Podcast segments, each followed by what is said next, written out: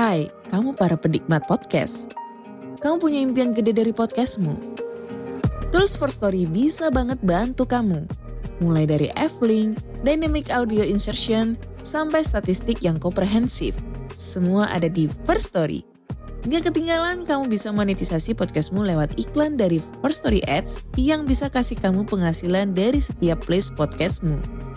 Yuk gabung sekarang dengan klik di firststory.me. Sekali lagi, klik di firststory.me. Mari kita bawa mimpi podcastingmu menjadi kenyataan.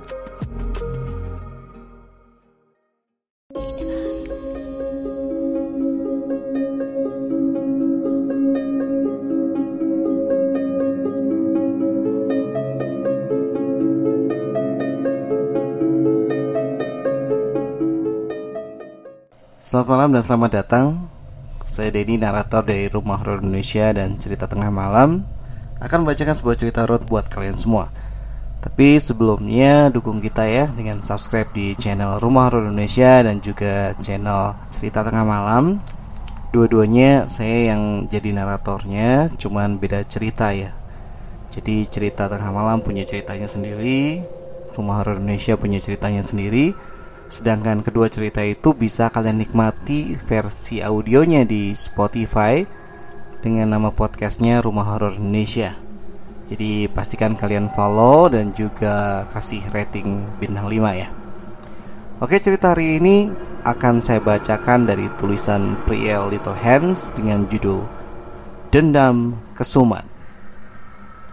Rasa sakit yang Foni rasakan berlipat ganda. Selain Dodi sudah merampas mahkotanya. Dodi pun banyak memberikan segudang janji palsu. Kemudian saat Foni meminta pertanggungjawaban atas perbuatan Dodi pun, orang tua Dodi justru balas mengancam akan menuntut balik dan mencemarkan nama baik Foni dan keluarga. Tak sampai di sana, setiap kali Foni berusaha menghubungi Dodi memohon belas kasihan, Orang tua Dodi lah yang selalu menanggapi setiap pesan yang Foni tuliskan untuk Dodi. Kemudian teror demi teror harus dialami Foni dan keluarga. Keluarga Dodi bersikuku bahwa hubungan tak senonoh yang dilakukan Dodi terhadap Foni bukanlah paksaan. Juga tidak dalam keadaan mabuk, melainkan atas dasar suka sama suka. Terlebih Foni tidak sampai hamil atas perbuatan bejat Dodi. Kalau demikian, tahu apa yang perlu dipermasalahkan? Sekarang ini hal demikian tidak lagi dianggap tabu. Bahkan sudah menjadi hal umum di kalangan remaja perkotaan. Maka jelas keluarga Dodi tidak terima saat Foni dan keluarga memohon sedikit belas kasihan Agar Dodi tidak memutuskan hubungan dengan Foni. Terlebih keluarga Dodi mengetahui bahwa kampus tempat mereka menimba ilmu tidak peduli dengan hal tersebut. Namun, jika salah satu pihak menuntut dan membuat nama kampus itu tercemar maka hukuman yang diberikan tidak main-main. Keduanya akan dikeluarkan secara tidak hormat. Selesai. Foni tak habis pikir, bagaimana mungkin Dodi yang mengawali dan mengajak dirinya melakukan hal itu, tetapi sekarang justru dirinya lah yang dituduh merusak Dodi. Dodi yang meminta Foni untuk melihat tontonan yang belum pantas dilihat. Dan kemudian adegan yang terjadi sudah bisa ditebak arahnya ke mana. Foni bahkan sadar melaporkan perbuatan Dodi ke jalur hukum pun tidak akan membuahkan hasil. Di negara ini, hukum masih kalah dengan materi. Foni hancur secara fisik dan psikis. Namun ia berusaha menutupi semua itu dari lingkungan sekitar. Siapa sangka kisah cinta mereka yang begitu terkenal di bangku kuliah harus berakhir tragis. Foni yang dikenal sebagai gadis periang dan berprestasi kini berubah Tak ada semangat bagi dirinya untuk mengikuti setiap mata kuliah yang disampaikan. Ia hanya berusaha menjalani hari demi hari dengan harapan Dodi mau tergugah hatinya. Foni benar-benar layaknya gadis yang tidak memiliki harga diri. Ia terus-menerus mencoba menghubungi dan mendekati Dodi. Ia menelpon, menuliskan pesan, bahkan menunggu di tempat-tempat Dodi dan dirinya biasa nongkrong dulu. Namun, apa pun cara yang dilakukan Foni, tidak mengubah pendirian Dodi untuk meninggalkannya. Bak kembang yang sudah habis dihisap madunya, maka sang lebah pun pergi mencari yang lain. Hingga suatu titik Foni merasa tidak kuat lagi menanggungnya. Beberapa teman mulai menyindir secara terang-terangan. Hei tahu gak sih? Jangan mau lo sama Foni Dia bakal si Dodi. Ih mau-maunya si Foni sama Dodi. Kayak gak ada yang lain aja Maka Foni berlari ke atap salah satu gedung kampusnya Di saat Foni meratapi nasibnya Ternyata Dodi juga ada di sana sudah terlanjur bertemu empat mata, Dodi tak mampu mengelak saat Foni mengajaknya bicara. Dodi dengan enggan menghampiri dirinya. Memang karena sudah tidak ada niat baik lagi di dalam diri Dodi kepada Foni, maka adu mulut pun terjadi. Dodi yang memang selalu hidup di bawah ketiak orang tua hanya mengedepankan emosi semata jika bersilat lidah. Terlebih saat itu tidak ada satu orang pun yang mengetahui keberadaan mereka di sana. Rasa takutnya akan tuntutan Foni yang terus-menerus membuatnya naik pitam. Foni yang memohon dengan berurai air mata tak mengubah keputusan apa pun. Bahkan sikap Foni membuatnya gelap mata. Dodi tidak suka dipaksa oleh siapa pun, termasuk Foni. Rasa sayang yang dulunya sering diumbarnya hilang tak bersisa, berubah menjadi benci tak terkira karena ingin menghindari Foni yang terus-menerus memohon belas kasihan.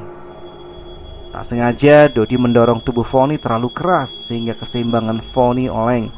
Awalnya Foni hanya terjatuh, namun saat Foni kembali berdiri, posisi tubuhnya sudah begitu dekat dengan pinggir atap gedung. Belum sempat Foni mengatur keseimbangan badannya dengan benar, Dodi yang sudah gelap mata dan dikuasai nafsu iblis kembali mendorong tubuh Foni. Ditambah dengan hembusan angin yang cukup keras saat itu. Tubuh Foni terhempas jatuh layaknya selai daun kering yang jatuh ke tanah. Seketika itu juga tubuh Foni terdiam.